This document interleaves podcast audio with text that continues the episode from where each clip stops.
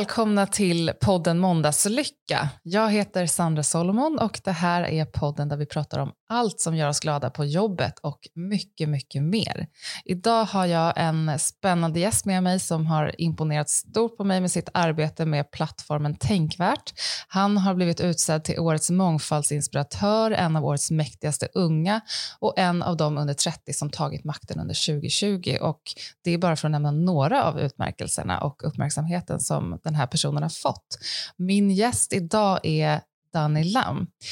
Eh, välkommen Danny. Ja, tack så mycket. Jättekul att ha dig här. Eh, jag nämnde ju lite om dig, men berätta, vem är du för de som inte känner till dig? Yes, eh, Danny Lam heter jag som sagt. Och eh, jag fyllde faktiskt 28 år ganska nyligen. Mm. Uh, och jag är född och uppvuxen i Helsingborg. Så min skånska kanske dyker upp lite då och då. Ja. men, men annars, bor jag i, ja, eller, annars bor jag i Göteborg. Just, det har jag gjort sedan 2012. Mm. Uh, och det gjorde jag för att jag ville plugga på Chalmers, en teknisk högskola. Och jag har alltid brunnit för eh, just när det kommer till teknik. Mm. Det är mm. någonting jag alltid varit uppvuxen med. Uh, till exempel hemma har jag följt min pappa när han har byggt, ja, det kan vara allt från, man kanske installera datorn och sådana saker som uh. fått mig att intressera mig för teknik. Uh. och ja, jag började på Chalmers och jag har pluggat där i runt fem sex år mm. och har därför en utbildning inom just IT. Just det. Um, jag har fyra, tre syskon har jag totalt. Mm. Uh, och uh, min, mina föräldrar kom hit till Sverige uh, efter Vietnamkriget. Mm för att de ville finna liksom, ja, men, eh, bättre livsmöjligheter och då kom de till Sverige. Då, så de, eh, ja, det var under liksom, 80-talet där det var mycket, eh, vad kan man säga, det var liksom eh, e-, ett av de länder som tog emot flyktingar. Så det var perfekt för dem att eh, ja, komma hit. Ja. ja. Um, och om man tittar på, för jag har ju såklart kikat, jag är ju rekryterare och lever ju ganska yeah. mycket på LinkedIn, så jag har ju såklart kikat på din eh, profil på LinkedIn. Och om jag såg rätt så har du två mastersutbildningar på Chalmers. Uh, jag har en kandidat inom uh, ah. IT och mm. en master inom UX, eller vad ska jag säga, interaktionsdesign heter det. Men det, det är typ UX-design kan man säga. Du verkar ju vara en person med många olika talanger och kompetenser. Vad, vad lägger du din tid på om dagarna? För det ser ut som att du, eh, du gör en hel del. Ja, jag, förutom eh, just teknik och design som jag brinner för så brinner jag även för mänskliga rättigheter. Eh, och det är någonting som faktiskt utvecklats under mina år på Chalmers. Mm. På grund av att jag umgås med vänner som är insatta i de här frågorna Mm. Och de har fått mig att eh, bli upplyst, eller vad man ska säga.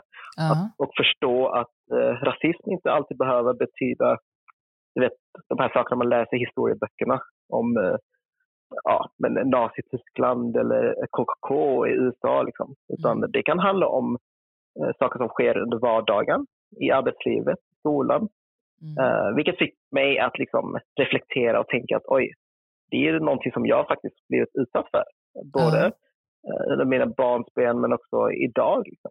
Uh, och det är just den insikten som fick mig att känna okej, okay, men det råder ganska stor okunskap mm. även i Sverige som ser sig själva som uh, ett av de mest jämställda länder. Liksom. Mm. Uh, så det fick mig att börja engagera mig och ja, engagera mig både i skolan men också på fritiden i form av nätaktivism, som man kallar det. Just det. Och, och då har vi ju bland annat plattformen Tänkvärt, eh, där du är, som är en otroligt stor plattform och med mm. många följare och som har fått mycket uppmärksamhet på olika sätt i, i media. Um, berätta lite, hur, stod, hur uppstod den uh, idén? Och hur tog du det från idé till handling? Ja, så när jag fick då, eh, läsa på om just vad vardagsrasism var för någonting så fick mig att börja engagera i de här frågorna.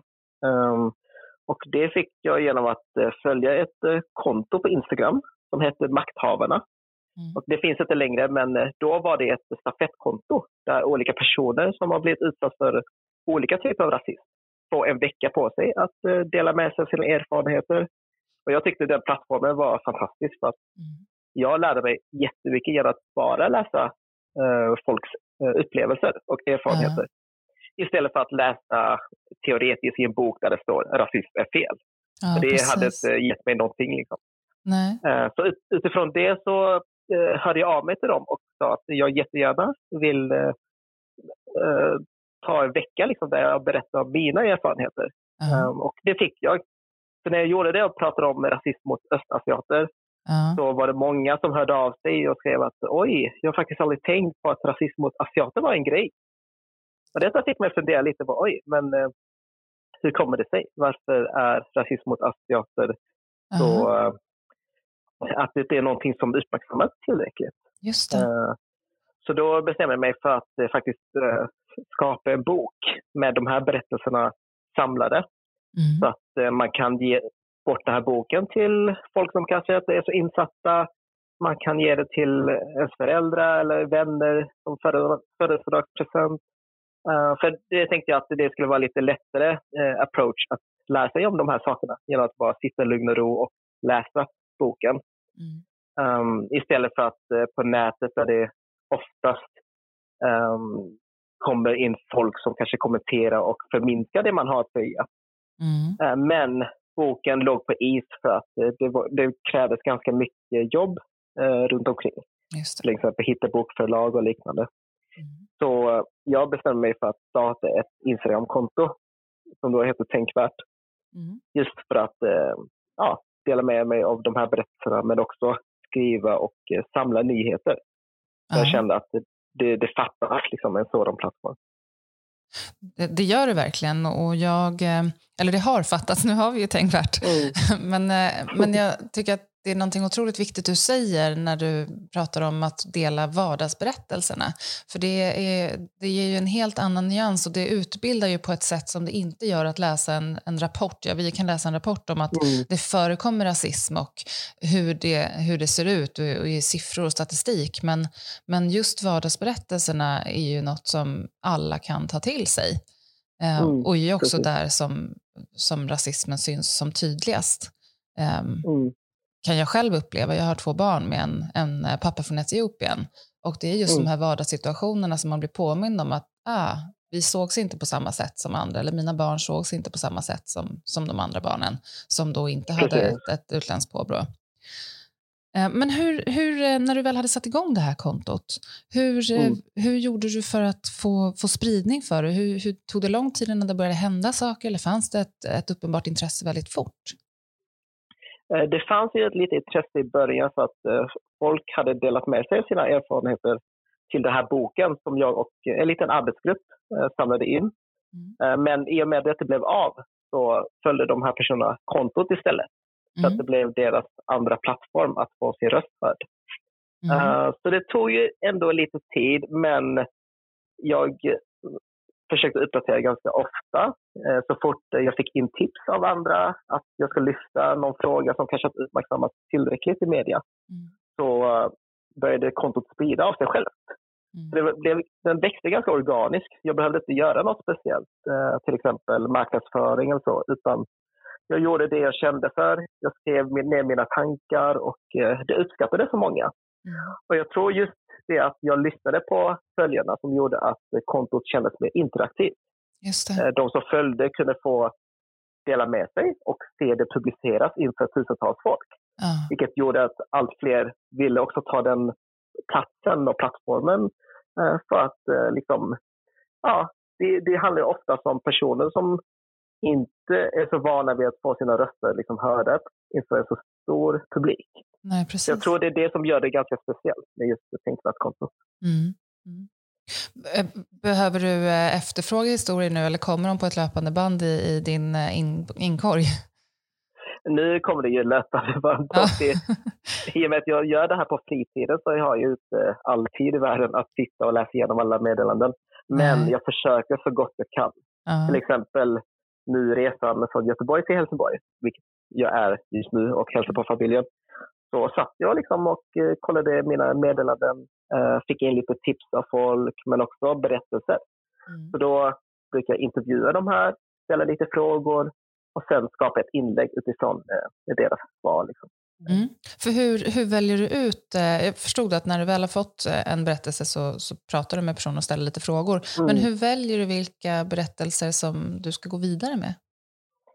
Um, oftast så försöker jag ändå ha någon slags blandning av olika slags erfarenheter. Uh. Ibland kanske det handlar om afrofobi, uh, ibland kanske om antisemitism mm. och sen uh, kan det handla om homofobi. Så det är väldigt mm. blandat. Men jag försöker ändå ha någon slags eh, balans av vad som, eh, eh, vad som läggs upp på plattformen. Mm. Um, och sen eh, försöker jag även anpassa mig lite till vad som pratas väldigt mycket om just nu. Till exempel eh, nu under corona så har hatbrott mot östasiater ökat markant. Uh -huh. För att det finns liksom fördomar om att ja, men alla asiater i Sverige är ansvariga för pandemin. Mm. Vilket såklart är ju felaktigt. Ja, såklart. Um, så då försöker jag anpassa lite, liksom, att ställa frågor till de utsatta, men också få in lite mer samhällsperspektiv. Uh, till exempel statistik och uh, annan nyttig fakta så att det blir ändå anpassat till olika typer av personer som följer kontot. Uh. för jag vet att det finns en del personer som inte vill höra uh, anekdoter utan de vill se liksom, faktiska statistik, vilket jag kan förstå. Så då kör jag någon slags blandning av båda. Mm. Ehm, även innan eh, corona så, så har det ju funnits eh, rasism mot asiater och du nämnde ju det tidigare. Ehm, för de som inte är så insatta i det, vad, vad består den i? Vad är vanliga fördomar som man möts av som asiat? Uh, jag tror många tänker att vi som har östasiatiskt ursprung blir utsatta för positiv rasism. Nu är det inom citat då. Mm. um, att de tänker att, ja, men, att jag har fördomar om att asiater är bra på matematik. Det är ju, det är ju inte rasism, det är bara en komplimang. Mm. Men grejen är att uh, när man har sådana föreställningar så blir det någon slags dubbelbestraffning för oss. Uh, mm. Till exempel om jag faktiskt är duktig på matte så får jag inte den uh, vad ska man säga, erkännandet ändå. För att då tänker många, ja men du har det blodet. Du har inte kämpat för att uh, mm. få det här betyget inom matematik. Mm. Och låt oss säga att jag kanske inte är duktig när det kommer till matematik. Då blir det också den här bestraffningen att man inte ses som en riktig asiat, vad det nu än innebär. Mm. Så det är liksom, man hamnar alltid i en sån situation där vad man gör så blir det fel. På grund av att folk har uh, skadliga fördomar om en. Mm. så det, det, är ett ett av de typer av, eh, en av de typer av rasismer vi blir utsatt för. Men sen mm. finns det också sådana här som är rent av negativa. Eh, det kan vara folk ute i stan som ropar jävla kines eller din jävla hundätare och sådana saker som eh, vi inte ens kan försvara oss mot för att vi blir så ställda när sånt sker. Mm. Um, och just rasism mot asiater är så väldigt speciell för att det är inte någonting som man brukar prata om. Ehm, jag skulle säga det är en av de rasismer som är väldigt normaliserad i samhället eh, i form av media som gör narr av asiater, mm. men också eh, ja, men allmänt när det kommer till skämt och liknande. Att asiater ska liksom bara bita ihop och uh, tacka och ta emot. Det. Uh. Um, har du tänkt det... på vad det, för jag känner mycket igen det du säger, har du mm. tänkt på vad det kan bero på att det har blivit på det sättet? Eh, jag, jag, kan förstå samtidigt också, just på grund av att eh, rasismen mot eh, till exempel svarta är väldigt påtagligt. Det, är liksom, det finns en rik historia av kolonialism, men också slaveri och eh, mycket som har satt spår i dagens samhälle. Så jag, jag förstår helt och hållet varför eh, det uppmärksammas mycket mer när det kommer till eh, ja, men afrofobi och islamofobi till exempel. Mm. Men samtidigt så tror jag att eh, när det kommer till rasism mot asiater så handlar det mycket om okunskap. Att man inte riktigt har en koll på det historiska eh, förtrycket mot asiater.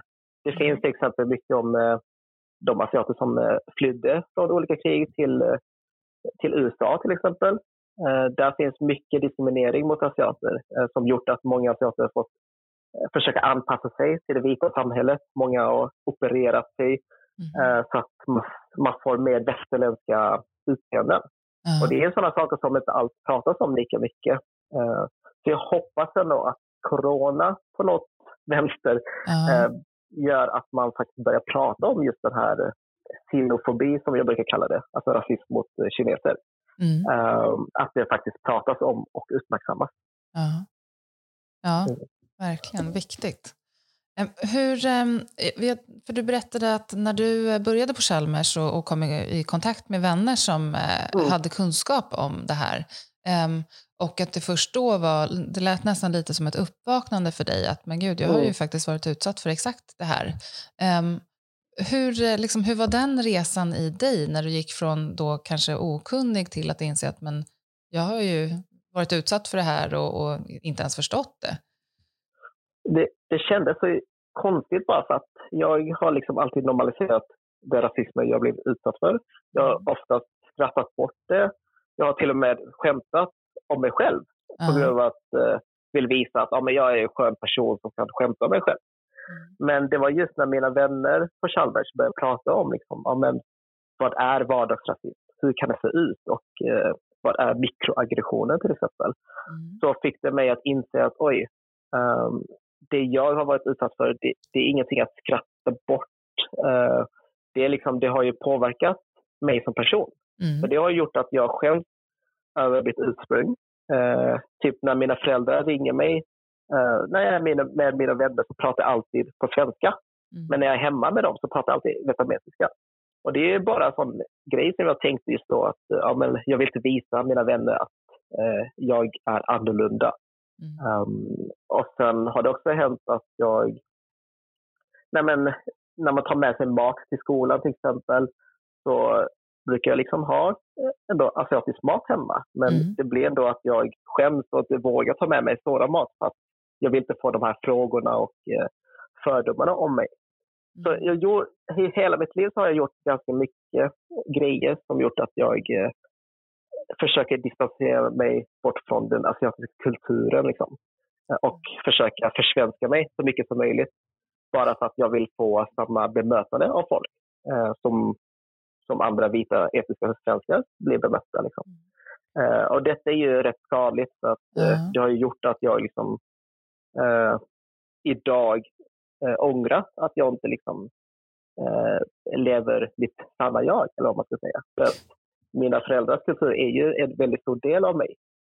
Um, Precis, jag tänker det, det är ju det är också jag tänker att ett ursprung som du förmodligen är stolt över och med den resa mm. som dina föräldrar har gjort så är det ju otroligt, um, inte alltså sorgligt, eller man blir ju, uh, man blir ju rörd när man hör, uh, hör att du kanske på något sätt har förnekat den viktiga sidan av dig uh, mm. på grund det, av rasismen. Det, det ångrar jag idag, liksom, nu när jag är vuxen och ändå är stolt över mitt ursprung och eh, mm. pratar dagligen om de här sakerna.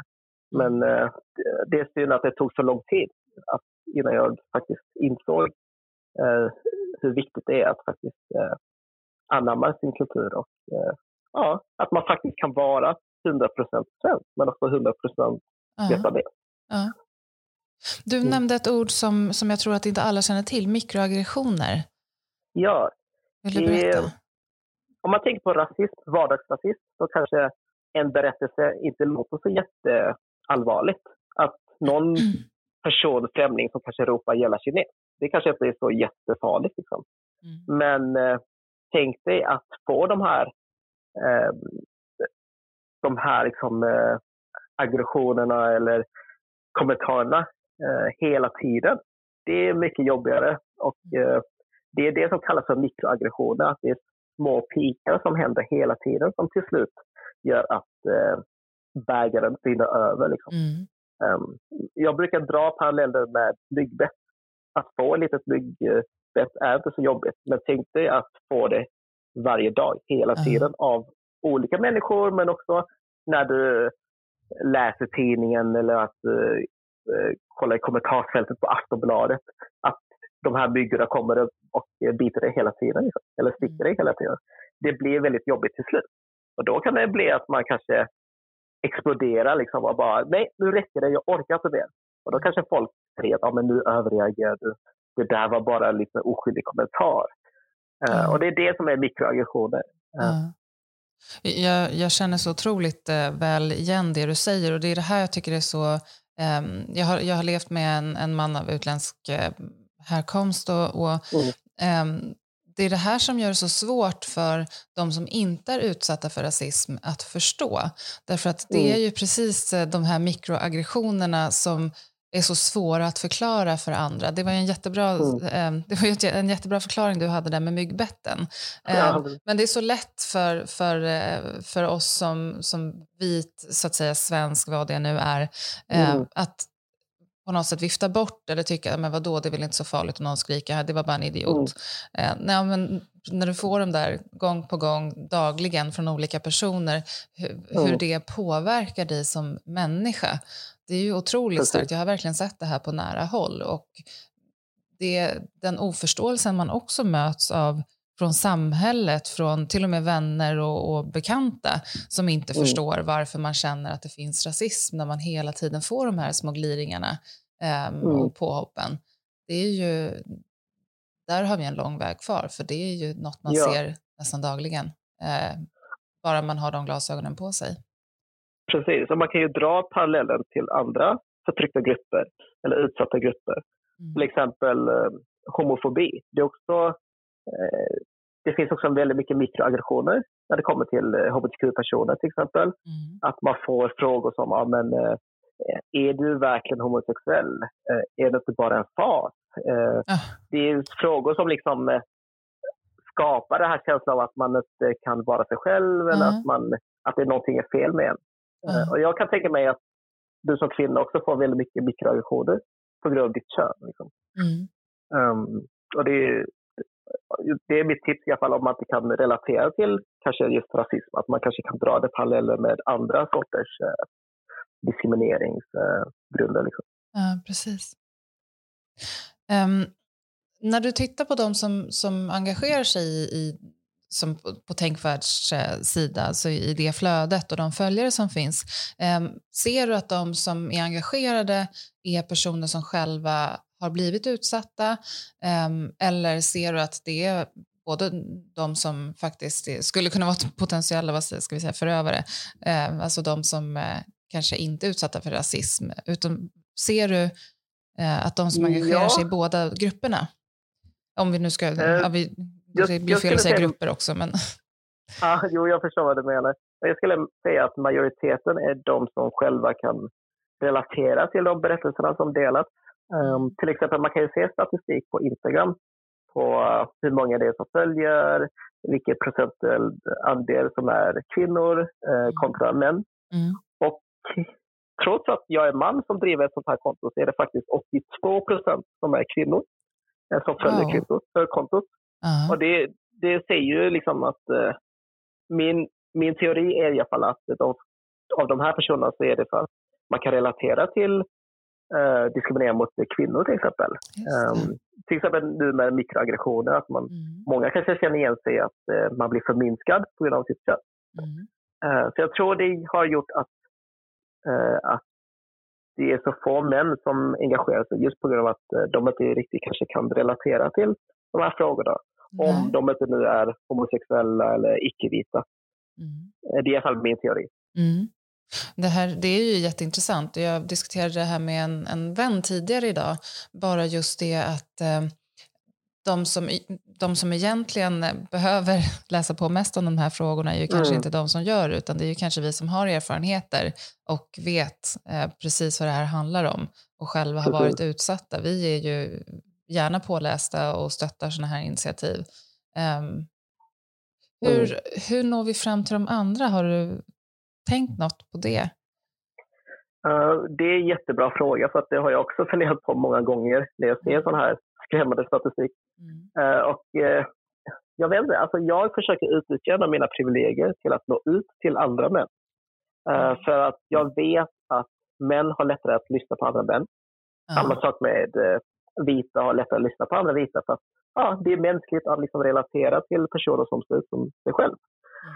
Så jag försöker ändå i eh, meddelanden till exempel, när jag får frågor om män så brukar jag ändå försöka eh, skriva till dem att ja, men så här känner jag som man. Och så förklarar jag hur jag känner mig. Uh, vilket får dem att känna, okej okay, men här har vi en person som också är man. Som känner sig så här. Det kanske är så det faktiskt är. Så det, det är lite det tar mycket tid, men jag tror ändå att eh, jag kan nå ut till dem, vilket sen gör att de kan nå ut till andra män. Uh. Så det är väl där jag får starta, tänker jag. Uh.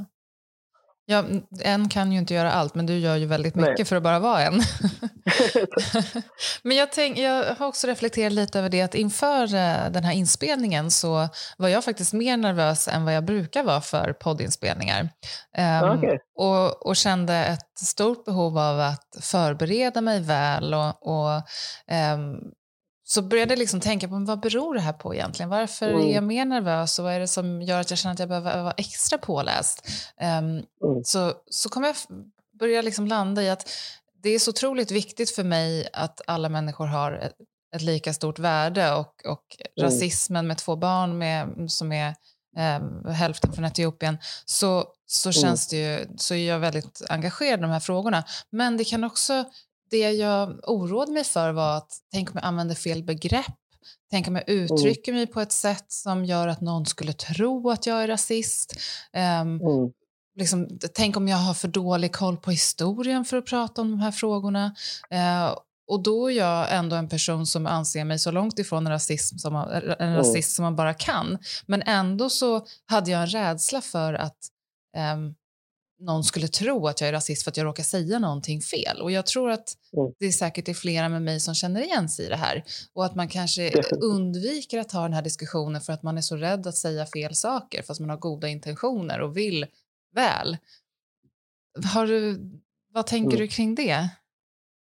Uh, alltså definitivt. Du är långt ifrån ensam om att tänka så. För jag vet att jag har pratat med många och många säger exakt samma sak. Att de är de vill göra saker men de är väldigt rädda för att trampa på någons tå. Liksom. Mm. Och jag har försökt förklara att nej, vi alla har varit där. Eh, som jag berättade tidigare så fick jag mitt uppvaknande väldigt sent. Alltså mm. högskolan, det är jättesent, um, tycker jag. Och mm. eh, även där så var det väldigt nytt för mig vad vardagsrasism var för något och alla de här begreppen som mikroaggressioner, det hade jag ingen aning om. Liksom. Men eh, alltså vi alla är människor och det är okej okay att göra fel, att säga fel saker. Det mm. viktiga är ju att vi lär oss eh, och faktiskt eh, bättra oss. Det är någonting som jag får hela tiden träna um, mig på också. För att uh, jag skriver fel saker ibland.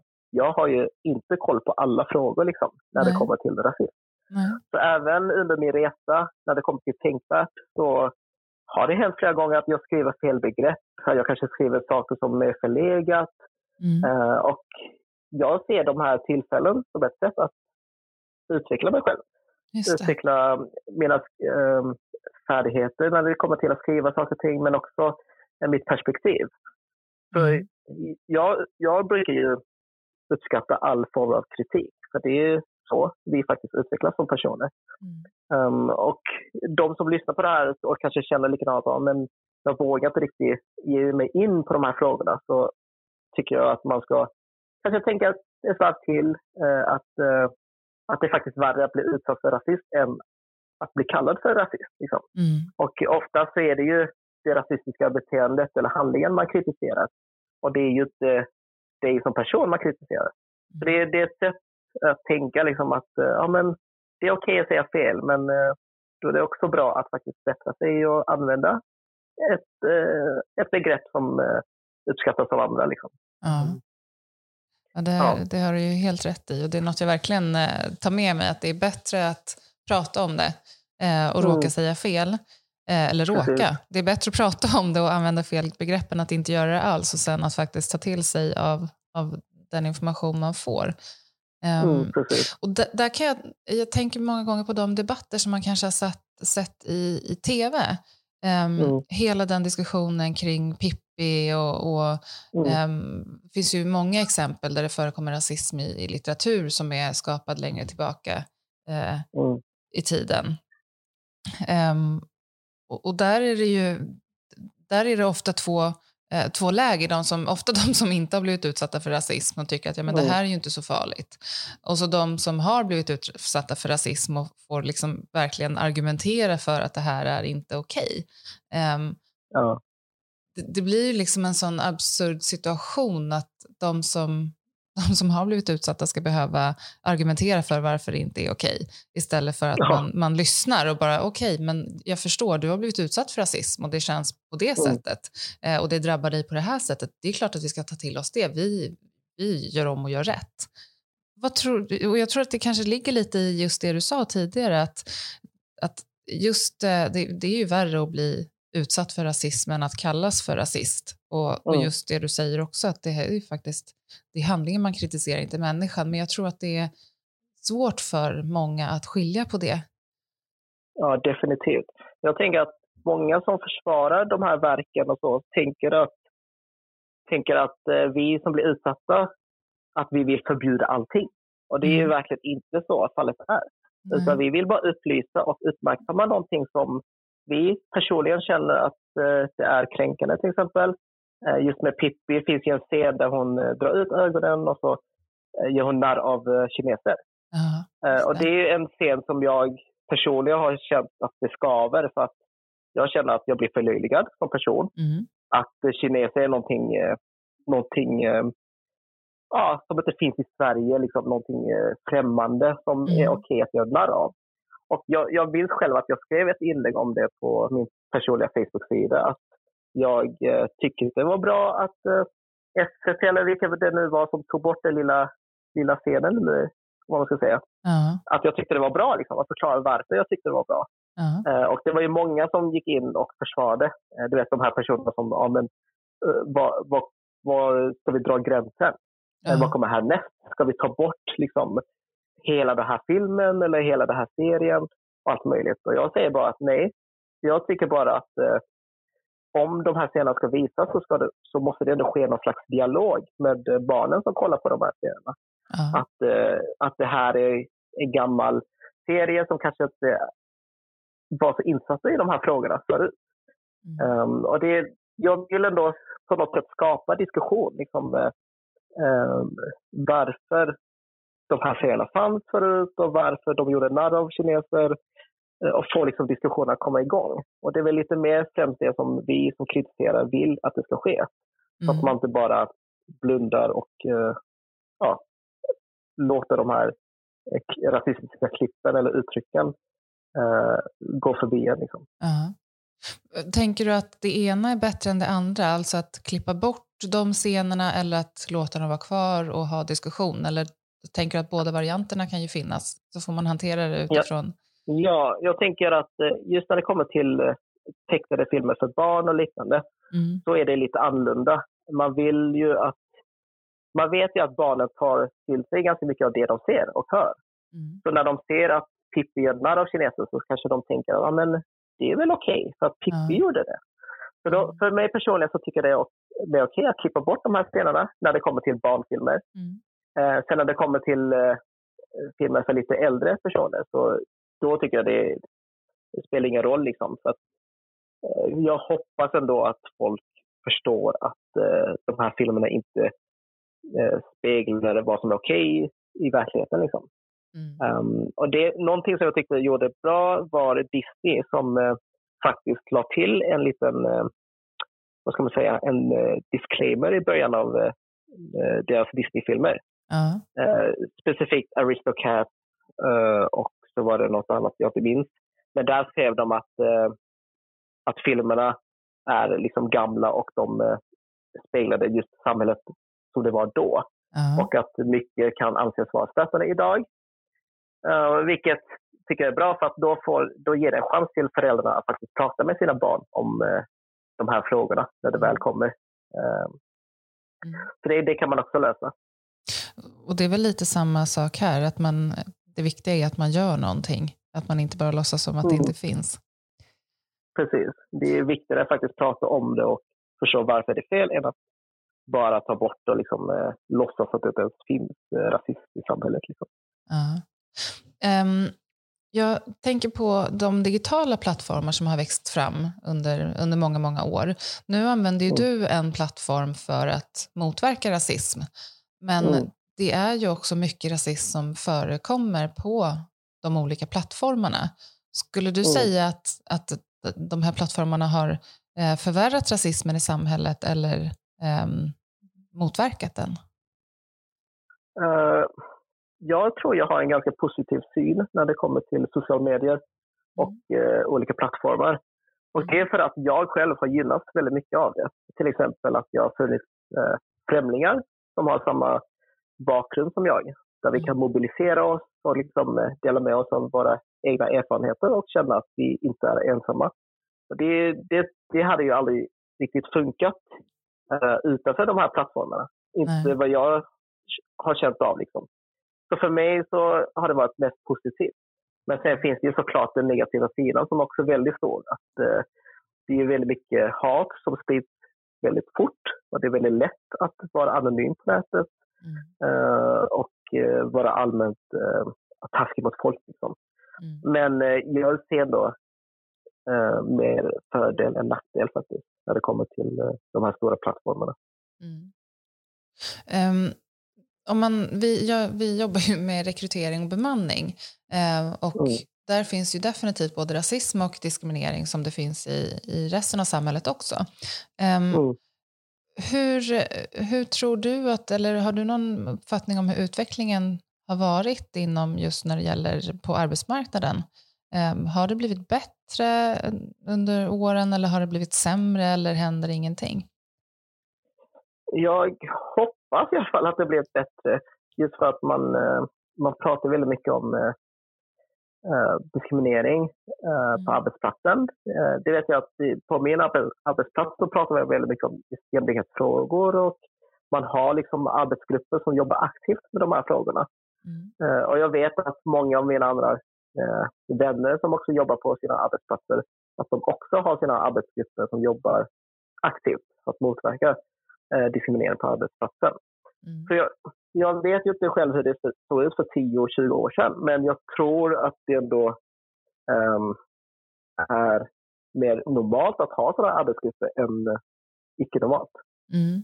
Och det, det, är nog tack vare liksom, samhällsdebatten, liksom, att man aktivt pratar om uh, vad som sker runt om i världen. Uh, kanske med Black Lives Matter, men också metoo-rörelsen. Jag tror de två rörelserna har Eh, skapat effekter även i arbetslivet. Att man börjar inse att det är väldigt viktigt att skapa en trygg arbetsmiljö där alla trivs oavsett liksom, uh. hudfärg eller kön. Ja. Och om inte annat så har ju också de, eh, de två frågorna eh, belyst att man, man kan visserligen bete sig illa, men med dagens eh, media så går det väldigt fort eh, när man väl så att säga blir påkommen med att eh, att ha en dålig arbetsplats där det kanske förekommer rasism eller vad, annan diskriminering. Um, det uppmärksammas ju, eh, om det uppmärksammas så sprider det sig väldigt snabbt. Um, mm. Så det kanske har gjort att man faktiskt också är så att säga, lite driven av rädsla, att man vill inte bli en av dem. Um, Nej, precis. Det är inte drivkrafterna för alla, men, men det kanske ändå har förhindrat några. Um, precis. Jag tänker också på, på sånt som eh, att ha ett namn som inte är uppenbart svenskt, vad nu ett mm. svenskt namn är, för det ser vi också, det är ju, det är ju eh, alla möjliga namn. Um, mm. Och traditionellt sett, eller traditionellt sett, långt tillbaka i tiden, men jag tror att det fortfarande förekommer, så, så vet jag att media skrev mycket om att eh, personer bytte namn från ett utländskt namn till ett svenskt för att ha lättare att komma mm. igenom nålsögat i urvalsprocessen. Um, jag tror att det har blivit bättre idag men jag tror fortfarande att det är personer som känner att de behöver byta namn för att ens få komma på första intervjun. Har du några mm. erfarenheter eller reflektioner från, runt det? Ja, alltså det är väldigt sorgligt för jag vet, jag känner faktiskt flera personer mm. som har bytt namn eh, mm. för att eh, deras namn inte klingar svenskt. Mm. Och faktiskt fått eh, arbets, vad heter det, intervjuer ehm, till, tillkallad till sig. Alltså att det är mm. faktiskt arbetsgivare som hör av sig direkt. Mm. Och Det tycker jag är jättesorgligt för att det, det, är också ett sätt att radera ens identitet för att anpassa sig till ja, samhället eller att det blir någon slags överlevnadsstrategi.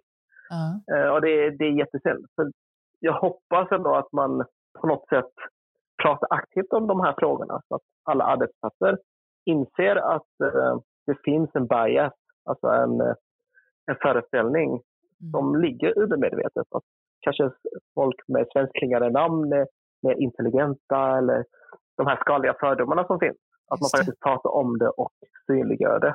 Ja. För ja, det, det, stämmer ju inte. Liksom. Det finns ingen forskning som säger att det ena eller det andra är smartare bara för att man oh, på ett visst sätt. Mm. Så jag, ja, jag tror idag så är det kanske bra om man har det ganska anonymiserat när det kommer till namn och liknande. Mm. Så att mm. man inte blir påverkad av de här föreställningarna. Men sen i framtiden så måste man aktivt prata om det och eh, inte lösa det genom de här temporära lösningarna. Liksom. Eh, att göra det anonymt. Hur skulle man kunna, eh, för jag tänker på, på min skoltid när jag var yngre. Ehm, mm. Det var ju väldigt sällan som man pratade om rasism i, i skolan. Det kanske var något pass någon gång under mm. hela skoltiden och det är ju extremt lite. Vad, ja. vad ser du att man eh, gör eller kan göra inom skolvärlden mer än vad man gör idag? Uh, jag tror det är ganska bra att faktiskt bjuda in experter. Mm. Um, alltså folk som faktiskt har erfarenheter när det kommer till att bli utsatt för rasistisk mobbning till exempel i skolan. Mm. Uh, så att det inte blir så mycket att det är en vit person som pratar till en vit person. Just Utan det blir att det ska vara mer um, att man faktiskt får förstahandsinformation direkt av personer som blir utsatta. För det ger en helt annan känsla. Um, att man faktiskt ser framför sig att det faktiskt har skett. Uh, för annars är det lätt att distansera sig från de här uh, rasistiska mobbningarna. Att tänka, nej men det där sker inte på vår skola. Det sker bara liksom i, ja, någonstans långt härifrån eller bara i filmer och sånt. Mm. Uh, så jag tror det är väldigt bra att man faktiskt bjuder in externa mm. personer. och det är väl ett sätt att faktiskt öppna för diskussion om hur sån mobbning ser ut i skolan. Ja. Mm. Vi har ju sett i, eh, det har ju funnits eh, exempel i, i idrotten, den, alltså i elitidrotten eller den som syns på tv så att säga, där eh, personer har blivit utsatta för rasism öppet, att spelare har mm. blivit kallade av hejaklacken för, för hemska ord. Um, mm. hur, vet du hur man idag jobbar inom idrotten? Och då tänker jag ända ner till, till barn och unga, hur man jobbar med att motverka rasism um, redan Jag tror tidigt. det handlar mycket om eh, att förändra kulturen och attityden när det kommer till idrottssammanhang. Mm. För vad jag ser så är det oftast typ föräldrar som står vid sidan och ropar massa saker. Eh, mm. Uh, ja, jag vill inte reproducera de här sakerna som de tycker, men mycket av de här handlar ju om rent utseendemässigt på barnen till exempel, men också rena påhopp. Och det är mm. sånt som skapar liksom en miljö där det, ja, det är okej okay att ropa de här sakerna. Um, så jag tror man måste jobba aktivt med föräldrarna, men också med idrottstränarna och uh, med barnen. Så att uh, man förstår att det här är idrott, alla ska trivas. Även de som inte är vita eller inte är män mm. eller pojkar. Uh, så det känns som att grunden av allting handlar om okunskap. Det är vad jag tror i alla fall. Mm. Uh, och sen är det såklart det finns folk som är insatta men ändå aktivt väljer att spy ut sådana här ord. Men då har man i alla fall gjort sitt uh. och uh, försökt ja, prata om det och utbilda. Liksom.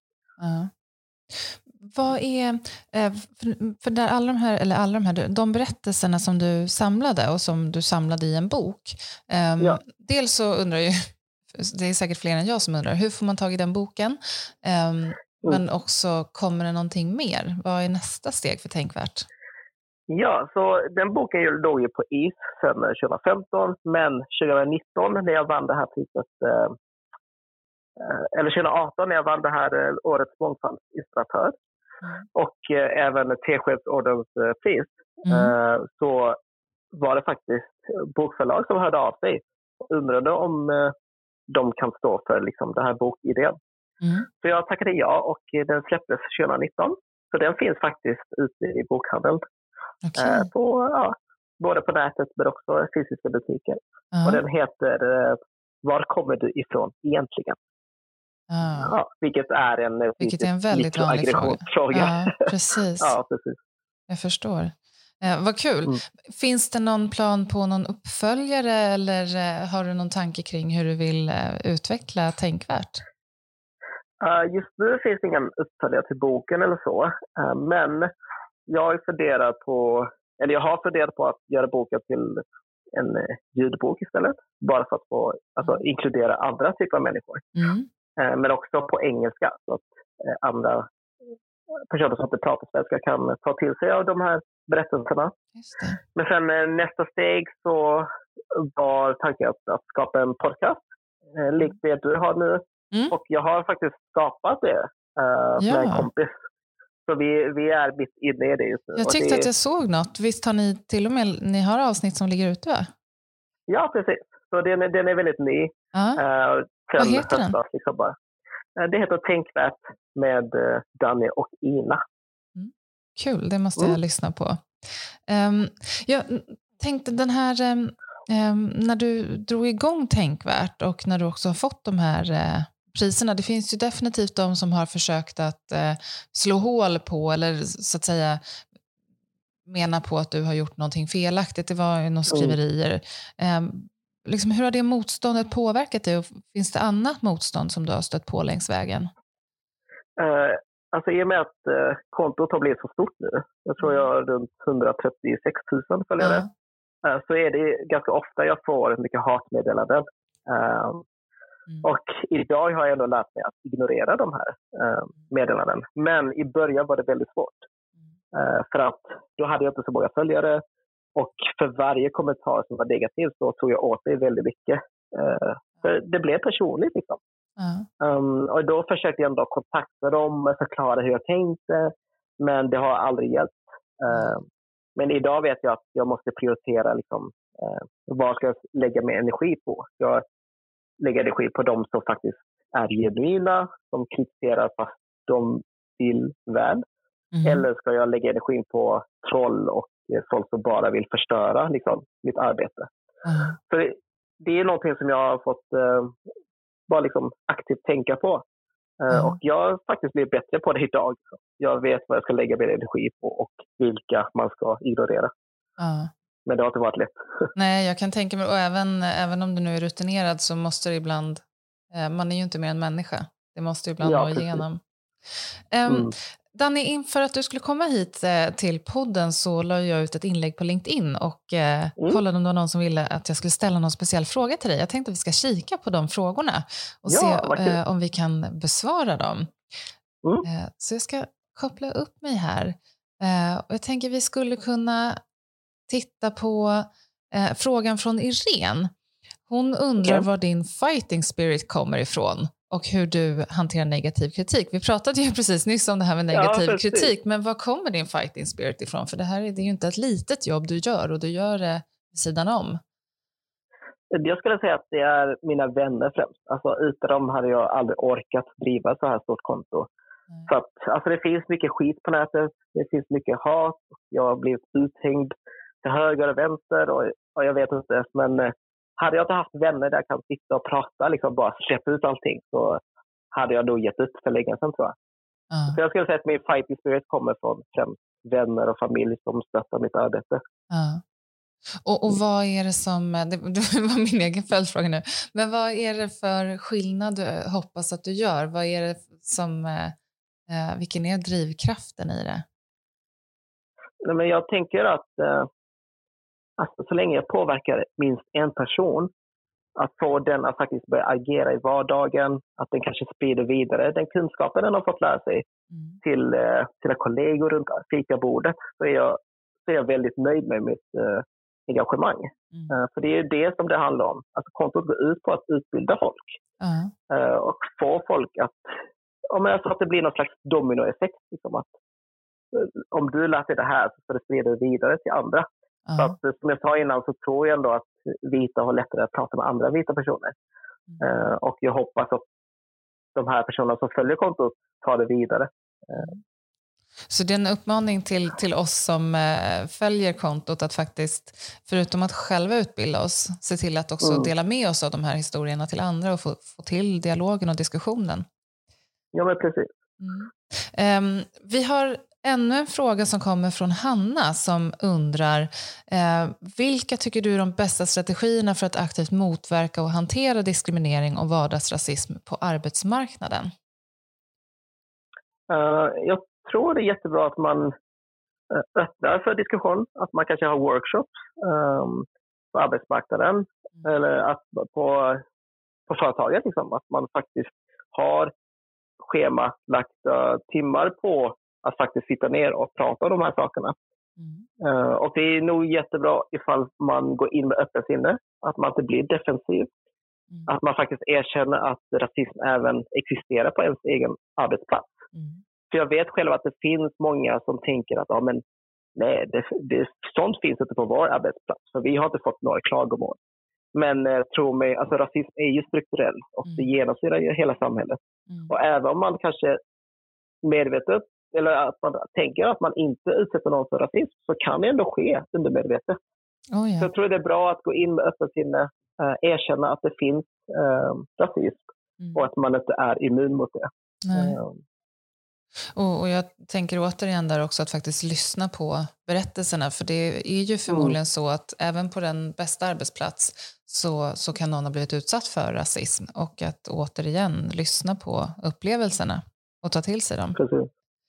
Mm. Um, vi går vidare. Jag tror att vi har en till fråga här som är från Helena som undrar mm. hur du tycker att företag ska tänka kring mångfald eh, där det finns till exempel mångfaldscertifierade processer.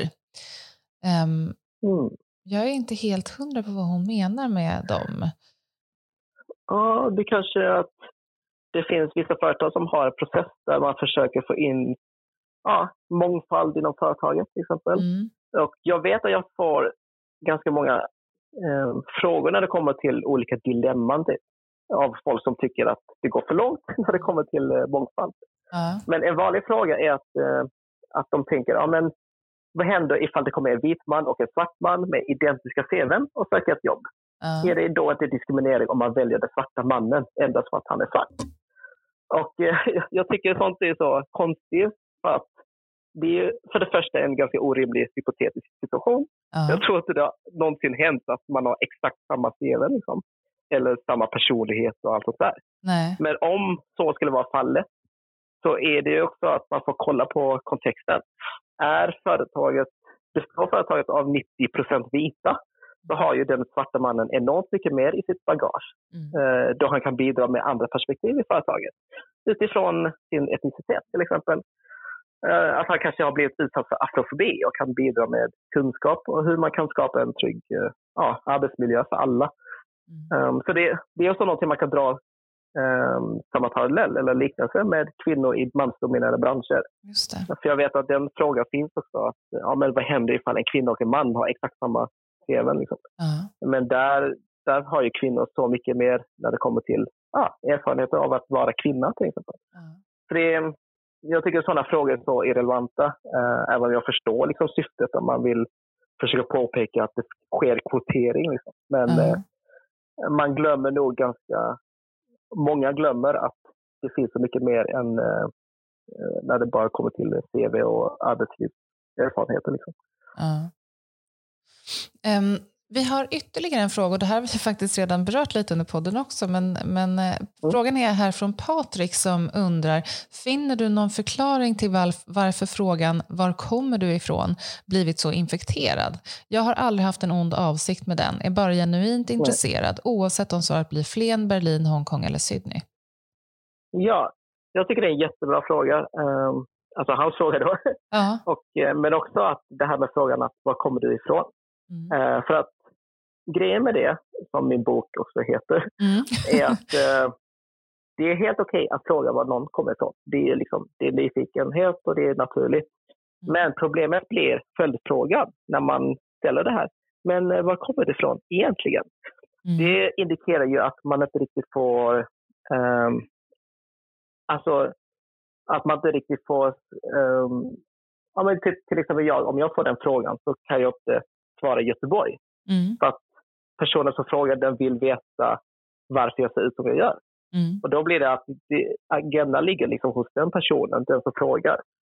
Uh, så då blir det att okej, okay, men jag är från, uh, ja, mina föräldrar är från Vietnam och då brukar det oftast förekomma ja, men stereotyper, följdfrågor som har att göra med um, ja, men om Vietnam som jag kanske inte alls uh, relaterar till eller identifierar mig med. Mm. Så det blir någon slags att man tvingar fram ett svar eh, oavsett vad jag svarar. Liksom, uh. Som eh, blir problematiskt i sig. Det. Um, det. blir också problematiskt ifall man frågar personer som eh, är adopterade.